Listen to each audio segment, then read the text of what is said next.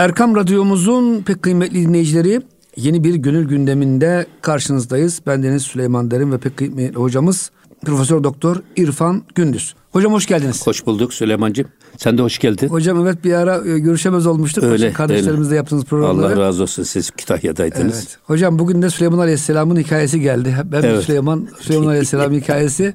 İnşallah güzel bir tevafuk oldu. İyi bir başlangıç diyelim hocam. Buyurun. E, şimdi tabii bu özel bir bölüm. E, tam bölümün başında kalmıştık. Burada e, bölümü beyan ederken Hazreti Pir Mevlana Celaleddin Rumi Hazretleri gibi bir veliyi kamilin her yaptığını müritlerin taklit ederek, küstahlık ederek yapmalarının doğru olmadığını, mesela sıhhatte bulunan bir hekime helva yemek zarar vermez ama hasta olan, şeker hastalığı olan bir adamın helva, helva yemesi onun üstünde öldürücü tesir bırakabilir. Dolayısıyla bu konularda kişiye özel değerlendirmelerin yapılması gerektiğini anlatan güzel bir bölüm. Kişiye özel. Esasında hocam e, şeyhin vazifesi bir bakıma müritlerin e, karakterine, e, statüsüne göre çok zengin bir mürit gelmiş. Ona hani hocam bu meşhurdur ya herhalde e, bu İskender Paşa tekkesinde Zahid Efendi'nin sözü var. Yani zenginin veya Mahiriz Hoca'nın herhalde. Zenginin diyor tesbih atıp dışa doğru olacak. Doğru evet. Ver, ee, verici doğru olacak, kalıcı olmayacak. Şimdi hocam zengin müridin vazifesi farklı olur. Fakirin farklı. Zengine e, infak, fakire belki sabır tavsiye edilir. Hani herkese aynı reçete verilirse Mevlana Hazretleri mürit diyor şey olur, fasit olur diyor. Şimdi burada şöyle bir durum var. Et turuku ilallah bi adedi enfasil halaik. İnsanları Allah'a ulaştıran yollar mahlukatın sayısı kadar değil. Mahlukatın nefesleri sayısıncadır. O kadar çok yani. Yani bugünkü Süleyman Derin'le bir saat sonraki Süleyman Derin aynı Süleyman Derin değildir. Hmm. İrşat sorumluluğunda bulunan mürşidi kamiller kişinin o andaki haleti ruhiyesini okuyarak çünkü onlar insan sarrafıdır. Okuyarak ona o anda lazım gelen ne varsa hangi tür nasihat edilmesi gerektiyse ona göre nasihat eder. Evet. Ve bu nasihat da yerinde söylendiği için de derhal etkiler ve tutunur. Ancak burada esas e, müridin mürşidini taklit etmesi. Buna tasavvufta rabıta diyoruz biz. Evet. Rabıta. Yani rabıta ne demek? Esasında müritle mürşit arasında bir sevgi bağını kurmak. Sevgi bağı. Mürit mürşidini sevecek bir. Bu sevgi bağı müridi mürşit gibi olmaya doğru itecek. Ve mürit şeyhini taklit ederek tahkika yükselecek. Onun gibi yürüyecek, onun gibi giyilecek, onun gibi konuşacak, onun gibi ibadet edecek. Onun gibi, onun gibi bu zamanla bir de bakıyorsunuz e, kim kendisini bir kavme benzetmeye çalışırsa o onlardan sayılır. Men teşebbehe bi kavmin fehve minhum. Bu fehvaya göre bakıyorsunuz mürit aynen mürşidi gibi oluyor sonra. Ona kendisini benzeterek ki buna biz aynileşme diyoruz bugünün e, Osmanlıca tabiriyle. Modern psikolojideki bunun tabiri identifikasyon Fransızcası. İngilizcesine bakarsan identification. Peki aynileşme nedir derseniz? Yani ben kişiliğimi ve kimliğimi eritip şeyhin kimliği ve kişiliğinde don, donduracağım. Onun kalıbına dökeceğim, onun gibi olacağım. Buna esasında Freud bile böyle söylüyor bugün Freud. Hani bir adamın diyor bir iç benliği vardır. İt ego. Karnında kırk tilki dolaşır ama hiçbirisinin kuyruğu birbirine değmez. Bu iç egodur. İt, it ego. Bir de insanın bulunduğu toplumun istediği şekilde, beğeneceği şekilde tavır alır. Buna maskeli benlik, rol benlik diyorlar. Buna da ego diyorlar. Ama bir de her insanın gönlünde yatan bir aslan yatar. Hani her yiğidin gönlünde bir aslan yatar. Herkesin erişmek istediği bir zirve bir model var. Onun gibi olmaya çalışır. Buna da süper ego diyorlar. Şimdiki modern tabirle idol diyorlar. O yüzden burada ancak burada Hazreti Pir'in söylediği bir nokta var. Evet, müridin mürşidini taklidi yararlı bir şey ama bunu da hangi konuda ne kadar ne kadar süreyle taklit edecek onun bile bir sınırı var. Dolayısıyla her yaptığını aynen yapmak doğru olmaz. Bunu da bir süzmek de lazım. O yüzden mesela diyor Peygamber aleyhisselam zaman zaman iki üç gün süren efendim hiç yemeden içmeden visal orucu tutardı. Bazı ashab-ı kiram dediler ki ya biz de böyle Peygamber Efendimiz gibi visal orucu tutalım. Peygamber Efendimiz bunu yasakladı. Ne buyurdu? E, aman ha benim yaptığımı siz yapmayın diyor. Ben Rabbimin indinde gecelerim. Bak Allah'a misafir olurum. Beni yedirir, içirir. Siz benim gibi değilsiniz. Bu visal orucuna siz güç yetiremezsiniz buyuruyor Peygamber Efendimiz. O yüzden e, buradaki esas meseleyi mesela bazı şeyler işte e, Hallacı Mansur Enel Hak demiş. Efendim şey e, Beyazlı Bistami e, leyse fi cübbeti e, sivallah demiş mesela. Şimdi bu e, belli bir e, manevi terakki seviyesinde insan biraz da cezbeyle söylenmiş laflar. Bunu sıradan talip bir müridin, acebi bir müridin bunu söylemesi doğru değildir. Yani Beyazlı Bestami söyledi diye onu ben de taklit edeyim söyleyeyim. Söylenmez. Efendim hmm. e, e, Enel, Hallacı Mansur Enel Hak dedi diye ben de söyleyeyim demek olmaz. Ancak benim çok hoşuma giden bir şey var Süleyman'cığım. Şeyh Şabani Veli'ye sormuşlar. Bu Hallacı Mansur niye Enel Hak dedi? O da demiş enel batıl mı diyedi demiş. yani siz kendinize enel batıl der misiniz? Ama hocam bunu e, Nakşilerin güzel bir sözü var. Entelhak demek daha da hoş diyorlar. Yani hiç tartışmaya sebep evet. e, olmuyor. Biz olsak entelhak dedirtirdik diyorlar. Evet. O da bir ayrı e, O da ayrı bir şey. zevk. Hayır zaten bu vahdeti vücut meselesinin yanlış anlaşılması ve yanlış uygulamasına meydan vermemek ya da bunları ortadan kaldırmak için İmam-ı Rabbani gelmiş. Vahdeti şuhudu bunun karşısına Evet. koymuş. Gördüklerimizde Allah'ın birliğini seyretmek. Hmm. Şöyle Yani- örnek hocam. Bu Mevlana geçiyor aslında Tabii hocam. daha her yer adı Güneş hepsinde- varken diyor yıldızlar ortaya çıkmaz diyor. Tabii. E, ama diyor bu yıldızlar yok manasına gelmez diyor hocam. Evet. Evet. Evet. O yüzden bunu anlatarak tabii şunu söylüyor. Bir mesela doktor sağlıklıdır. Adam helva yer. Hiçbir şey olmaz ama hastası var, şeker hastası. Helva yerse bu helva ona zehir olur. O, o adama helvanın tadı sadece dilinin sonuna kadardır. Dili geçti miydi zehre dönüşür diyor Hazreti Mevlana. Ya. O yüzden gerveli zehri huret nuşi şevet. Eğer bir veliyi kamil eğer bir zehri yerse eğer o zehir ona afiyet olur. Nuş bat diyorlar ya Evet. İranlılar yemekten sonra afiyet olsun Evet. manasına. Bak gerveli zehri huret nuşi şevet. Böyle bir veliyi kamil eğer zehri yerse o zehir ona afiyet olur. Ver huret talip eğer acemi daha işin başında seyri sülükün başındaki bir müptedi mürit yerse eğer siyah huşi aklı kararır ve siyah huşi sevet cinnet getirir adam deli olur diyor. Dolayısıyla bunu demek ki herkes kendi konumuna göre adım atmalı. Şimdi bunu söylerken buradaki e, veliyi kamil yani zehriye savuna hiçbir şey olmaz dediğimiz ne? Ya dünyevi zevklerdir esasında, masivadır. Paradır, puldur, makamdır. Paradır, puldur, makamdır, saltanattır, şöhrettir. Bak bunların hepsi ayrı ayrı ağır bir imtihan. Yani şeytanın insanı yoldan çıkartmak için, Cenab-ı Hakk'a isyan ettirmek için kullandığı üç tane çok önemli silah var. Şehvet zaafı, şöhret zaafı, servet zaafı. Şimdi bu üç zaafın üstesinden gelmiş, nefsi mutmainliğe ermiş bir veli. Dünyanın içerisine de koysan ona hiç zarar vermez. Çünkü o dünyanın ayaklan, dünyayı ayaklarının altına almayı bir geminin denizi ayaklarının altına alıp yüzmesi gibi kullanabilme konumuna gelmiş birisi. Ama aynı şeyleri siz talip daha yeni acemi bir mürit bu üç suçla ya da bu üç ağır efendim e, silahla imtihana tabi tutulursa çok rahat ayağa kayar ve düşer. İşte ona zehir olur demek istiyor. Burada veliyi kamil zeh- zehri yer ona afiyet olur ama talip acemi bir mürit bunu yerse onu öldürür. Evet. Onu deliliğe sevk eder. Burada esas demek istediği bu. Yani insanın dünyayı kullanan bir insan haline dönüşmesidir marifet. Yoksa burada e, zehir meselesi değil. Hatta bir şey var. Hazreti Halid bin Velid radıyallahu anh bu da keramete karşı çıkanlara karşı delil olarak ileri sürülen bir husus. O, efendim e, Halid bin Velid Hazretleri ki o zaman e, Hire beldesini fethediyor Hire'yi. Ve Hire beldesini bel- fethettikten sonra Hire'li bir heyet gönderiyorlar kendisine.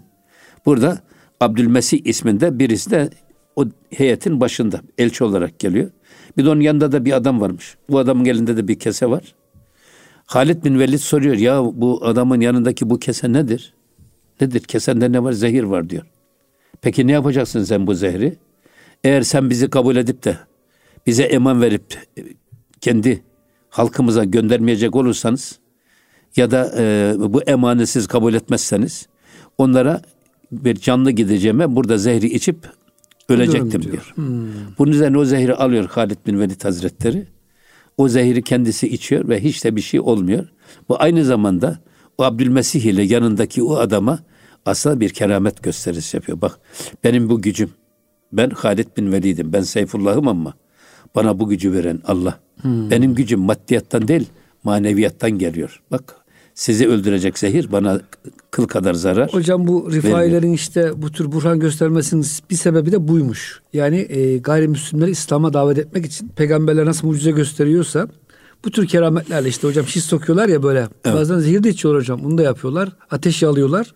Sebebi hocam onların kalbini İslam'a sındırmak diyorlar. Demek ki Halid bin Velid Hazretleri de radıyallahu anh Tabii ki bu yapmış. kerametin del, del, hmm. hak olduğuna dair delillerden birisi. Eyvallah. Şimdi siz onu o şekilde söylediniz. Bir hatıram var benim. Buyurun hocam. Ee, bu e, Kadir Çelik objektif bir programı sunuyor Star TV'de o zamanlar. Evet. Biz de asistanız ya da e, öğretim üyesiyiz. 12 Eylül sıralarında. O sırada bunlar gitmişler. Bu Burhan ayini dediğimiz Rifai tarikatının aynını evet. efendim gizli çekim yapmışlar. Bu çekim orada gösterecek. Bundan da işte aynı nasıl o Müslüm Gündüz'de. Müslüm Gündüz Fatime Şahin Onun gibi hmm. toplumda din aleyhine bir tarikatlar aleyhine bir hava uyandırmak üzere bunu hmm. yapacaklar. Bizim fakülteden Salih Tuğ hocamıza Allah uzun ömür versin. Ondan bir adam istemişler. O da e, bizim Mustafa Tahralı Hoca'ya söylüyor. Tahralı Hoca da bunu İrfan Hoca gitsin diyor. Beni gönderiyorlar. Yalnız Kadir Çelik dedi ki ya yarım saat 45 dakika önce gelin de dedi. Biraz konuşalım tartışalım. Senaryoyu beraber kuralım dedi. Sonra hı ben de gittim gerçekten. Ee, sonra bir baktıydım o Star televizyonu, o zamanki Star televizyonu. Yani bütün bayanlar süpermine tekli. Seçme sanki böyle. Bizim Türkiye'nin ne tarihiyle ne coğrafyasıyla hiç alakası olmayan bir ortam orası. Ve dini kötülemek için de fırsat kollayan. O sırada da bir de baktım Kemal Alemdaroğlu geldi. O zaman da rektör değil, değil Cerrahpaşa Tıp Fakültesi'nde öğretim üyesi. O da aleyhte, aleyhte O da geldi. Herhalde. O da geldi. Sonra ben dedim ki Kadir Bey, ya Kadir Bey dedim bak bu bu ayinin adı Rifai tarikatına ait Burhan ayinidir. Bu ayin o tarikatın kendi içinde bile gizli bir ayindir. Sıradan müritlere gösterilmez bak. Aynı bu olay var ya. Evet. Taliplere falan gösterilmez. Belli bir e, seyr sülükte belli bir dereceyi, dereceyi aşmış olan müritlere ancak bu ayin yapılır ve bu ayin gizlidir. E, sadece tekkede yapılır. Asla dışarıya da deşifre edilmez. Tarikatın kendi içinde gizli olan bir ayini siz gizli çekim yaptınız. Şimdi bunu ilan edeceksiniz. Bir defa bu önce benim kanaatime göre hem bu tarikatın kendi içindeki edebe aykırı hem de bu televizyon etiğine de aykırı. Suç aynı zamanda hocam. İletişim de aykırı. Yani kanunen de suçtur değil mi hocam? Yani ancak dedim. özel hayatını... Amenna. Ancak dedim yalnız bir şey var.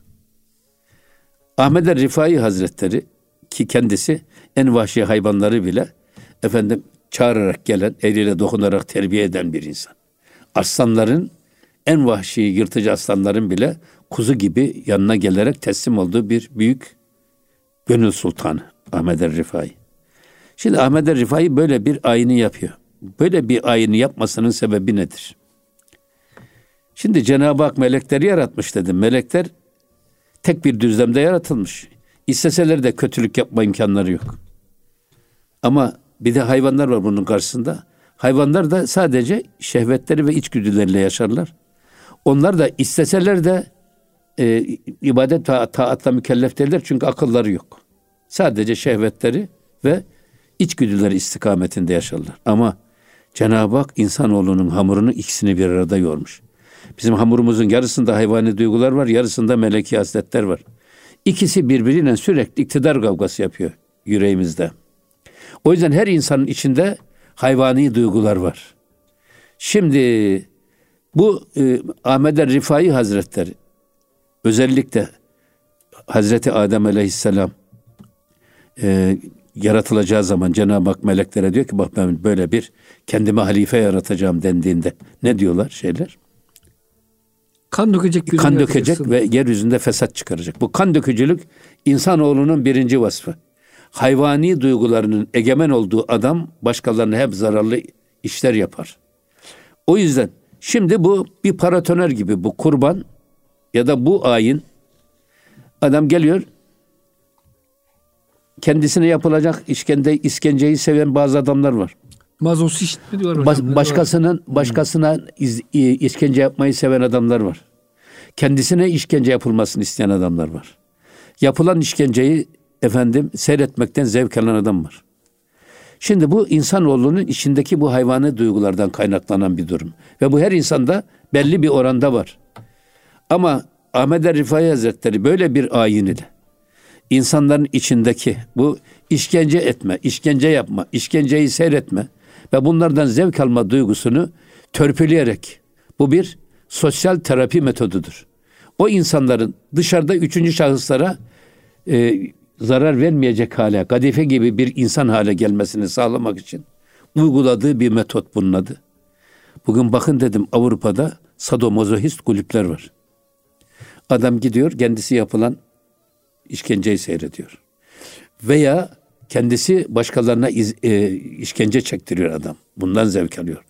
Bazıları var kendisine işkence edilmesini istiyor. Bunun sebebi ne? Bu insanların bu psikolojik ihtiyaçlarını efendim orada o kulüplerde törpüleyerek o insanların dışarıda üçüncü şahıslara zarar vermemesini sağlamak için yapılan bir terapi. Bu da bir terapi. Bugün boks spor, hatta karate, bu kickbox filan dedikleri dövüş sporları var.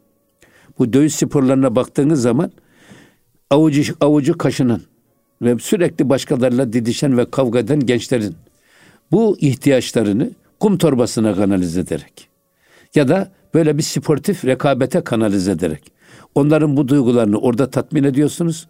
Bu adam dışarı çıktı mı üçüncü kişilere zarar vermeyecek bir insan haline geliyor. Bugün bu bir sosyal terapi metodudur. Dolayısıyla sizin böyle bir gizli ayini, gizli çekim yaparak efendim e, aleme ilan etmeniz çok yanlış dedim. Bunun üzerine Kemal Alemdaroğlu dedi ki ya dedi İrfan Bey dedi sen dedi nereden yaklaştın bu meseleye? Benim elimdeki bütün kozları aldın sen dedi. Şimdi ben ne söyleyeceğim? Siz hocam mesela tıbbi baktınız, psikolojik baktınız Ha, meseleye. ben de dedim ki sayın hocam siz de yapacağınız iş şu dedim. Bak adam kılıcı buradan sokuyor şişi buradan çıkarıyor. Sen bunu ameliyata nasıl Ondan kullanırsın? sonra ondan Evet. sonra adam e, şeyh geliyor. Şöyle bir sıvazlıyor. Ne burada delik var, ne burada delik var, İz de ne kan var. kalmıyor. Ya bunun siz fizibilitesini yapın. Nasıl oluyor bu iş? Hocam işte bugün hipnozla ameliyat yapıyorlar. Siz de bunu Ha, deneyin mesela. ha, Cenab-ı Hak insanoğluna öyle öyle yetenekler lütfetmiş ki daha şu anda bizim insanoğlunun bildiğimiz yetenekleri aslında buzdağının görünen yüzü. Yani. Adam şimdi geliyor e, bu karnına kılıcı buradan sokuyor öbür taraftan çıkarıyor. Sonra şeyhi geliyor kılıcı çekiyor iki tarafı da tükrüyle üflüyor şöyle bir sıvazlıyor elleriyle. Ne delik var ne kan var ne bir şey. Öyle bir insan ki insan damarındaki kana bile hükmediyor ve o kan kanamıyor. Kulak deliniyor kanamıyor, yanak deliniyor kanamıyor, karın deliniyor kanamıyor. Bana göre sizin yapacağınız iş bu işin nasıl olup nasıl yapıldığının sırrını çözmeye çalışmak. Tıbbi yönden. Ki bunlar hastalık tedavisinde çok ciddi kullanabilme imkanları ortaya çıkabilir. Hocam sözünüz ben de bir şeyle keseyim. Bugün Budist e, rahipler hocam narkozsuz diş kanal tedavisi yaptırıyor. Adam o kadar kendine e, işte kendince meditasyon yapıyor hocam. Kendini aşmaya çalışıyor. Bir şekilde aşıyor nefsini. Ve e, işte hocam mesela ameliyat yapılıyor insanlara. Hiç acısını hissetmiyor. Dediğin doktorların vazifesi bu. Hocam siz adamların bütün e, el- ellendik doneleri almış. aleyhlerine kullanmışsınız maşallah. evet. İsterseniz hocam şey ikinci Ama, bölümde ama, girelim aynı- mi? ama Evet. bir de şu var aynı şekilde bak bir Osmanlı ordu devlettir. Ordu milletiz biz. Ya. Bir de olur ya e, biz doğuştan asker milletiz. Bak bunu 15 Temmuz'da gördük. Kandan korkmamamız lazım. 15 Temmuz'da gördük. Niye Kılıçtan gördük? O- o- o- korkmamamız lazım. Bizim bizim milletimiz bu kalbindeki o yüreğinde kor gibi sakladığı cesareti ortaya koyuyor. Sanki doğuştan tankçı. Adam sırtında atleti çıkarıyor. Tankın e, egzozuna batırıyor. Tank çalışmıyor. Pat duruyor. Hocam uçaklara kapatmak isteyip nerede çıktı ya? battaniye getirmiş. Battaniyeyi Evet. paletin arasına koydu mu o e, şey atıyor. e, paletin zincirleri atıyor. Tank yürüyemiyor. Sen bunu nerede öğrendin sen bunu? Ya doğuştan mı tankçısınız siz? Ya. Bak burada işte e, olabilir ki düşman eline geçtiği zaman işkenceleri de katlansın. Korkmasın. Görsün. korkmasın, Göz alırsın. Tabii. İşin bir de bu tarafı var. O da hocam çok önemli. İnşallah hocam ikinci bölümde biraz daha konuya e, değiniriz. Muhterem dinleyicilerimiz gönül gündemi bütün hızıyla devam ediyor. Kısa bir araya giriyoruz. Lütfen bizden ayrılmayın. Erkam Radyomuzun pek kıymetli dinleyicileri Gönül Gündemi'nin ikinci bölümünde karşınızdayız. Bendeniz Süleyman Derin ve pek kıymetli hocamız Profesör Doktor İrfan Gündüz. Evet hocam şimdi veli zehir ise şifa alıyor. Talip e, ne bileyim faydalı bir şey yese eğer o manevi kemalat yoksa zararlı hale geliyor. Evet. Ve hocam bunu Süleyman Aleyhisselam özelinde e, herhalde Mevlana Hazretleri bize aktarıyor. Buyurun. Tabii şimdi geliyor burada bakın e, Hazreti Süleyman aleyhissalatü vesselam Efendimiz Rabbi hebli es Süleyman amedest ki medhi gayri medih gayri mera'in mülkü dest. Esasında bu medih olması lazım. Medih. He ile olması lazım. Yanlış yazılmış bu. Diyor ki Süleyman Aleyhisselam ayet-i kerimede var zaten. Sad suresi 35. ayet. Rabbi hebli Es Süleyman Hazreti Süleyman Aleyhisselam'dan şöyle bir rivayet geldi. Evet. Nedir o ayeti kerimede? Gale Hazreti Süleyman dedi ki Rabbi ufirli beni affet ve hebli mülken ve bana bir mülk ver ki la yenbeği li ahaden min ba'di. Bunu sen benden başkasına verme. Şimdi burada e, ne diyor ki medi gayri mera benden başkasına verme iyin mülkü dest. Bu saltanatı, bu melikliği, bu kudreti benden başkasına verme. Başkası taşımayabilir. Şimdi bunu zannediyorlar ki Hazreti Süleyman başkasının eline geçmesini istemiyor. Kendisi hasut bir peygamber. Kıskanıyor başka. Kıskanıyor. Hiç alakası yok. Hiç peygamberlerde haset şeysi Ya. bulunur mu?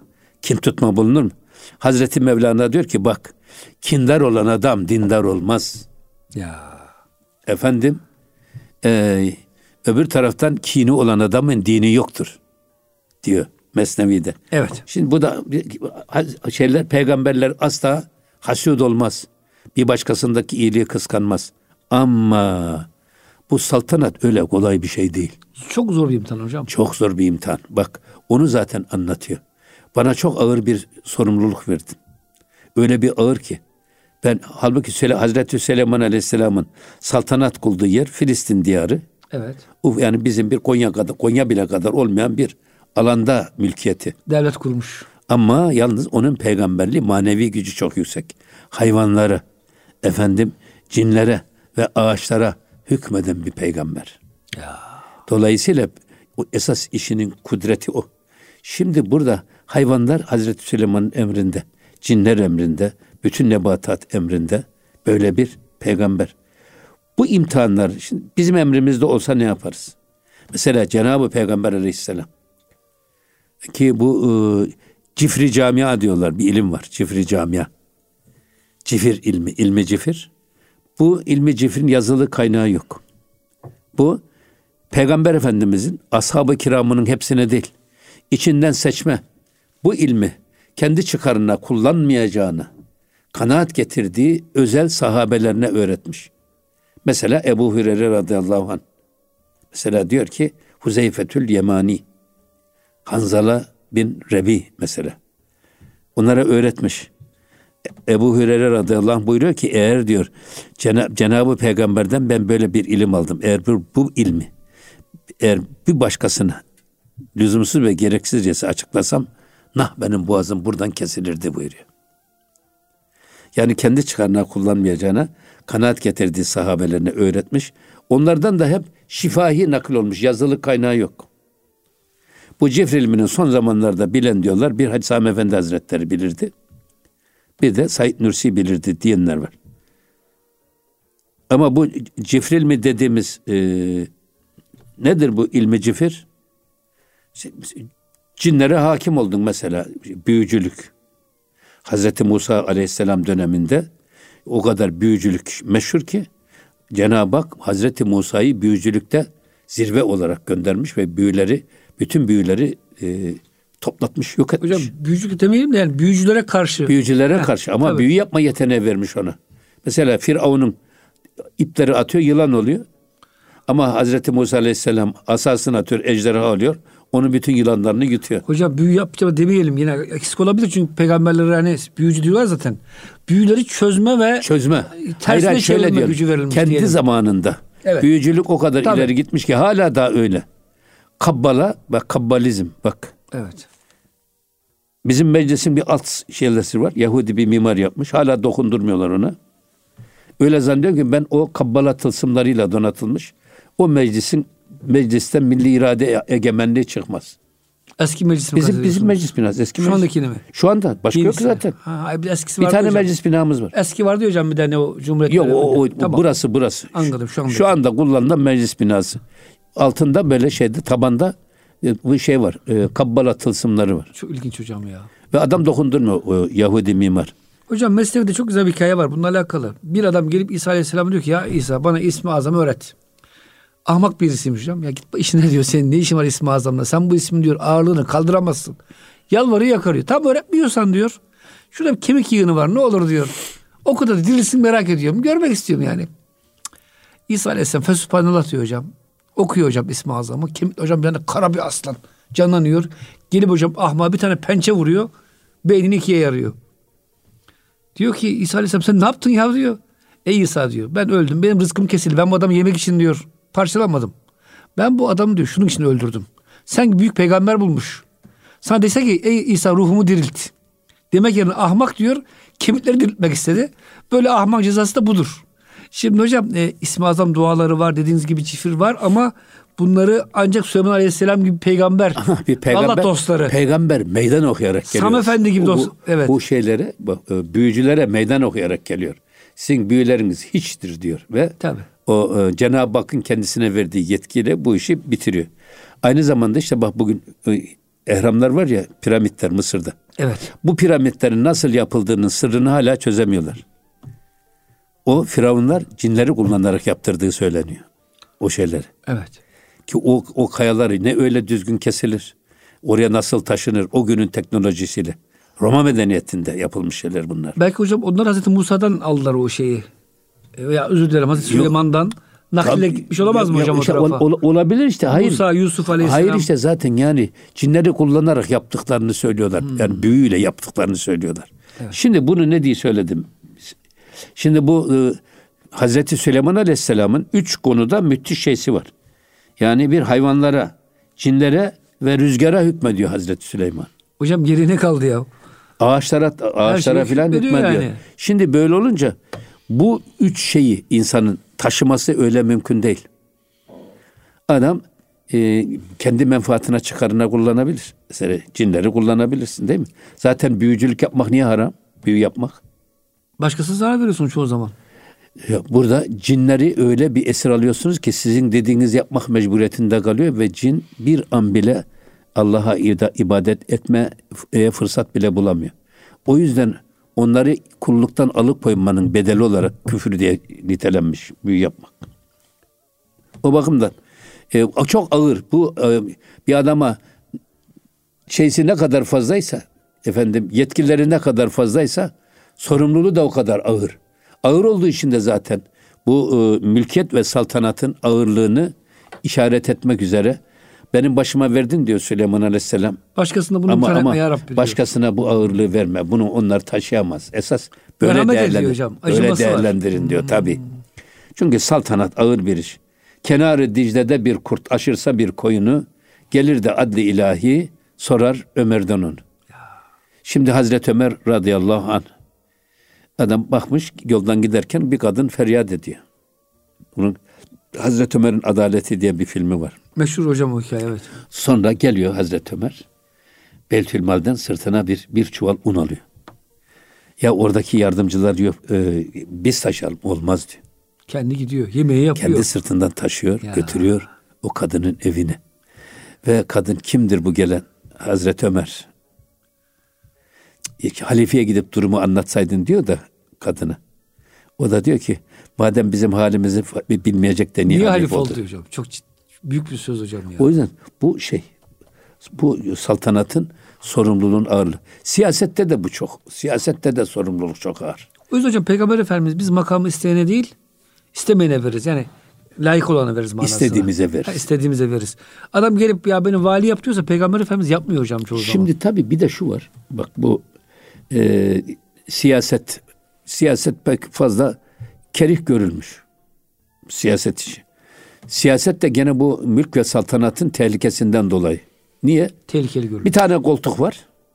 Ama bu koltuğa 100 tane talip var. Bir kişi o koltuğa oturuyor. 99 kişi onun ayağının altına karpuz kabuğu olma, koymak için fırsatını kolluyorlar. Ayağını Açığını yakalamaya çalışıyorlar. Yalan söylüyorlar. iftira ediyorlar. Efendim yoluna arabasına taş koyuyorlar. Ya namuslu adam da hocam orada hata yapabiliyor. Ya tabii hata, Hata yapabilir. yani daha doğrusu. Hmm. Hata da yapabilir. O yüzden yani bir sürü insanın gözünün olduğu, gözünün olduğu o koltuk, gönlünün olduğu o koltuğa oturmak sanki ateşten bir koltuğa oturmak gibi çok uyanık olmayı gerektiren, hassas olmayı gerektiren bir defa bir. Öbür taraftan çok adil olacaksınız. Bu adaleti orada icra etmek de kolay bir şey değil. Onun için bütün şeyimiz saltanatın, siyasetin de şeysi buradan geliyor. Ama siyaset kelimesi benim kendi şahsi kanaatim bu. Sase yesusu siyaseten e, vahşi hayvanları evcilleştirip kullanılabilir ve faydalı hale getirmek demektir. O yüzden at terbiyecilerine seyis diyorlar. Peki bu siyaset sonradan toplum yönetim bilimine dönüşmüş. Nasıl dönüşmüş? Niye böyle olmuş diye düşündüğüm zaman Arapçada benzeyen ile benzetelen arasında bir benzetme yönü olması lazım. Değil mi? Evet. Nasıl olmuş da vahşi hayvan terbiyeciliği toplum terbiyeciliğine dönüşmüş? Bunu Gustav Le Bon kitleler psikolojisinde anlatırken diyor ki kendiliğinden bir araya gelen insan yığınları çok tehlikelidir. İnsanlar çoğu zaman tek başına yapmaya cesaret edemediği pek çok kötülüğü kalabalığa karıştığı zaman nasıl olsa kim buraya gider, nasıl olsa benim yaptığım belli olmaz diyerek yapma cesareti bulur. O yüzden yağmalar, talanlar, linç olayları çoğu zaman şuursuz kitleler tarafından yapılır. Ha o zaman anladım ki vahşi hayvanın karakteriyle bu e, bir araya gelen insan yığınlarının karakteri birbirine benziyor. O zaman bu siyaset burada nedir? Hani toplum yönetim bilimi diyoruz ya. Rahmetli üstadımızın ifade buyurduğu bir şey var. Durun kalabalıklar. Bu cadde çıkmaz sokak. Haykırsam kollarımı makas gibi açarak.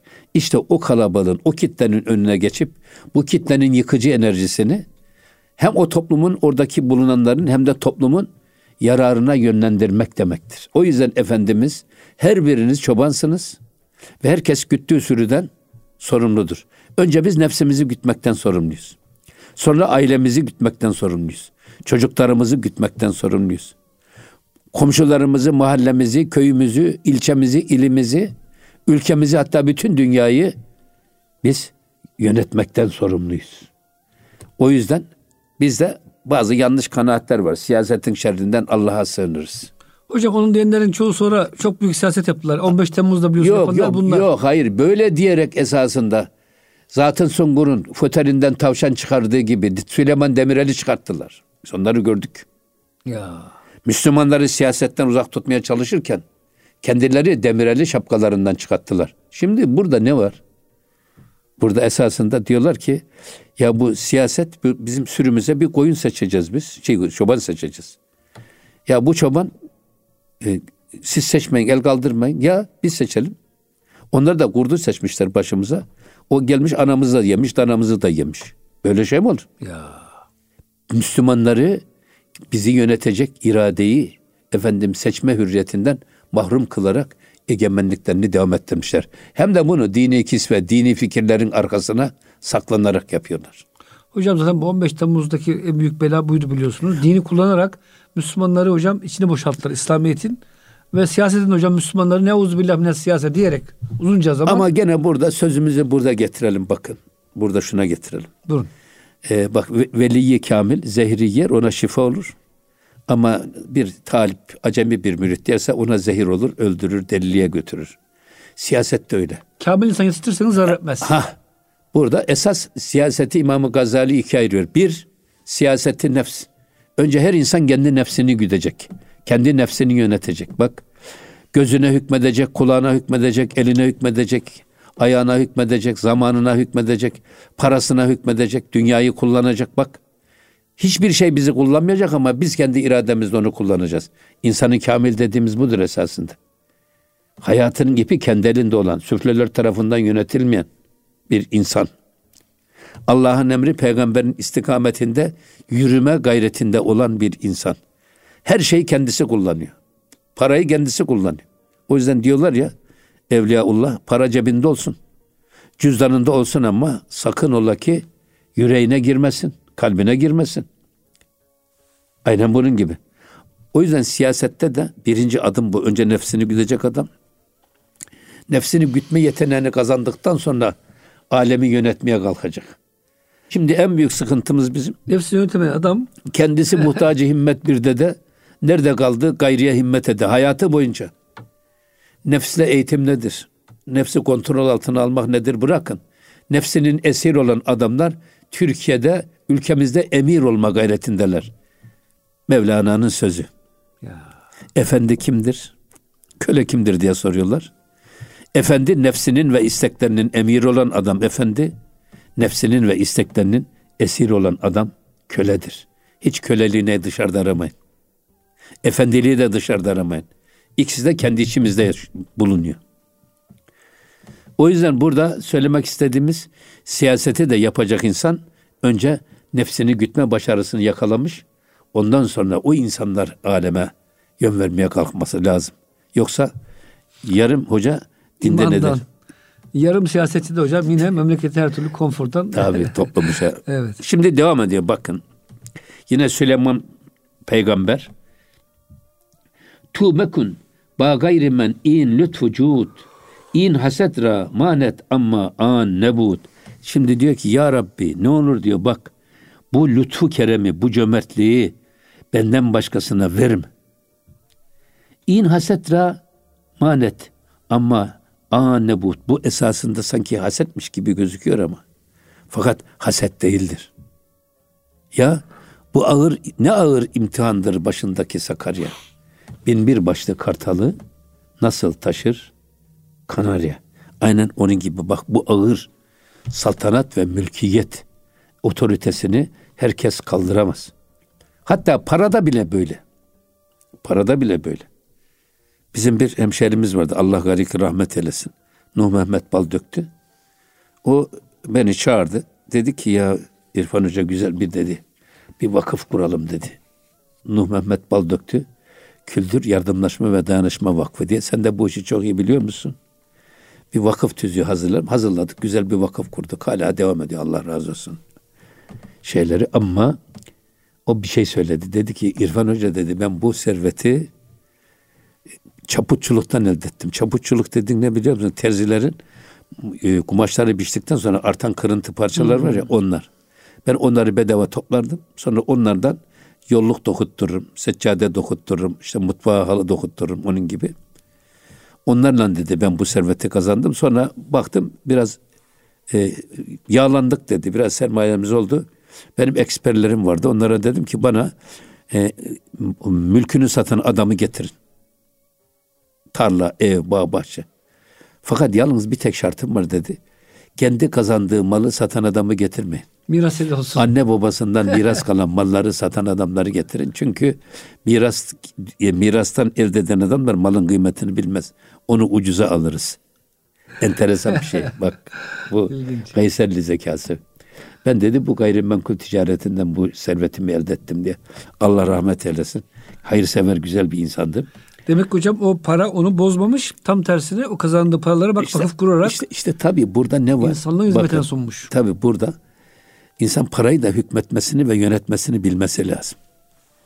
O yüzden mesela piyangodan para çıkanlar, Toto'dan para ikramiye kazanırlar. Geçen bizim bizim Kayseri'de bir vatandaşa yedi buçuk milyar çıkmış sonra yemiş, içmiş, harcamış.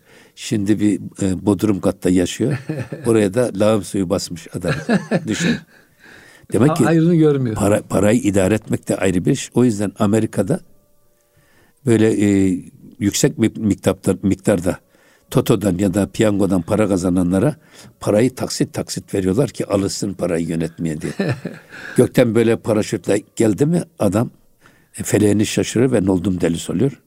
Ve şeysini kay, dengesini kaybediyor. kısmında hocam sonra intihar ediyor. O Tabii o yüzden. O yüzden burada e, dediğimiz gibi Ahmet Haşim demiş ya ağır ağır çıkacaksın bu merdivenlerden. Hazmede hazmede hazmede. Bu aynı zamanda işte e, şeyin dediği de bu. Hazreti Pir'in dediği de bu. Yani bak e, bir e, veliyi kamil zehiri yer afiyet olur. Ama acemi bir mürit yerse ona zehir olur derken buradaki bir şey istiyor. O zaman hocam bu alışa haftaya alışa yavaş yavaş alışa alışa yükselmek bu lazım. hafta hocam zühdü de tartışalım inşallah. Çünkü zühd konusunda bazen yanlış anlaşılıyor. Zühd daha çok yeni müftediler için. Evet. Ama e, kemal ermiş bir insana padişah yapsanız insanlık için kullanır. Bütün dünya servetini verseniz yine insanlık Tamam için kullanır. şeydir. İbrahim Ethem Hazretleri sultan kendisi. Sultan bir evliya. Evet. İşte böyle bir e, hırpani kılıklı bir derviş gelmiş. Ayağında takunyalar. İbrahim Ethem'in sarayında şey arıyor. Devesini arıyor. Tak tak yürüyor adam. Adamı çatısında Kim, arıyor. kim? Yatak odasının üstünde. Kim bu adam? Yakalayın getiriyorlar. Ne yapıyorsun sen bizim sarayın damında? Diyor ki ben e, devemi kaybettim de onu arıyorum. Ya devenin diyor sarayın üstünde damında ne işi var? Nasıl çıkacak deve oraya? Deyince ya sultanım peki diyor bu Atlas'tan e, efendim e, Yataklar yataklar, içerisinde i- i- ipek çarşaflar, ipek yorganlar içinde Allah aranır mı diyor. Ve bu o kadar etkiliyor ki İbrahim Ethem'i saltanatını falan terk ederek çöllere kendisini salıyor. Abdülkadir Geylani Hazretleri diyor ki eğer İbrahim Ethem bizim müridimiz olsaydı ona saltanatı terk ettirmeden nasıl evliya olunur onu öğretirdik diyor. Bak. Ricalun la tulhihim ticaretun ve la bey'un an zikrillah. Ne ticaret ne de alışverişin Allah'tan alıkoyamadığı insan olmak. O zaman hocam haftaya inşallah bu konuya biraz daha değinelim. Çok teşekkür ederiz hocam. Elinize, dilinize, gönlünüze sağlık.